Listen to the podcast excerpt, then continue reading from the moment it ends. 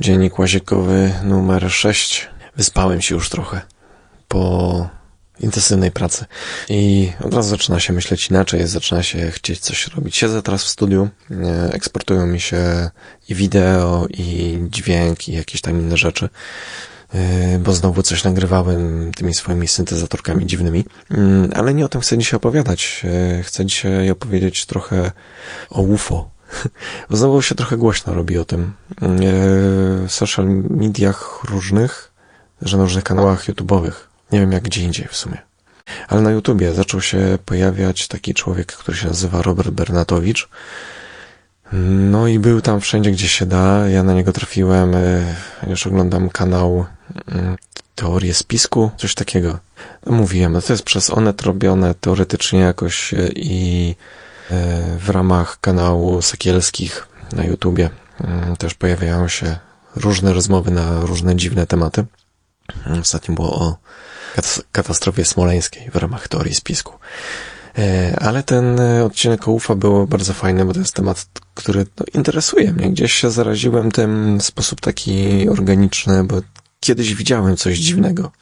Byłem z ojcem, e, będąc dzieckiem jeszcze, więc u, dawno temu. Myślę, że za, za 40 lat temu to mogło być. Mm, byłem z ojcem na rybach na noc. Mm, I jakaś taka bardzo jasna gwiazda świeciła gdzieś tam niewysoko nad horyzontem. Wyglądała jak po prostu jakaś gwiazda. Ja się na tym nie znałem, ojciec też nie za bardzo. Tylko, że po jakichś dwóch godzinach coś tam zaczęło mrygać po bokach i odleciała. Do tej pory nie wiem, co to jest. Może jest jakieś wytłumaczenie, co to było. Znaczy, nie, co to jest, tylko co to było. Nie, może jest na to jakieś zwykłe wytłumaczenie, ale no nie wiem. No ja go nie znam, więc dla mnie to jest UFO. Po prostu. E, I w ogóle jakoś dużo się mówi o tym UFO. Znowu były jakieś przesłuchania teraz gdzieś w kongresie amerykańskim, e, że ktoś tam się wypowiadał o tym, że wojsko widziało dużo więcej rzeczy niż mówi. To wojsko się tam zaczyna przyznawać do tego, że coś było. E, no i u tego Bernatowicza ma swój kanał teraz na YouTubie. No też tam jest dużo dziwnych historii. Tylko to trochę dziwnie podaje. Fajnie gada, ma fajny głos, fajnie się go słucha, ale mówi w taki sposób, że nie wiem, ja od razu łapię dystans do tego. Chociaż to nie jest jakiś taki temat, który byłby mi jakoś odległy, czy obcy, czy bym tam nie wierzył w UFO. No, no myślę, że jest gdzieś coś, coś musi latać.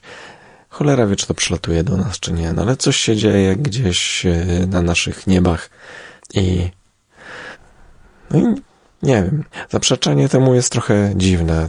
Całość ciągnie się w zasadzie od lat 50. E, chyba. I trochę o tym opowiada serial, który chcę polecić.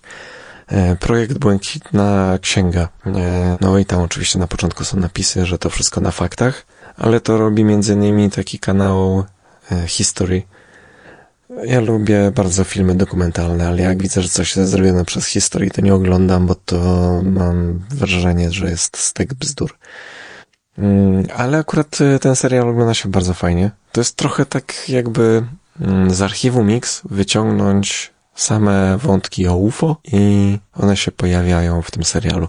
Są tego dwa sezony.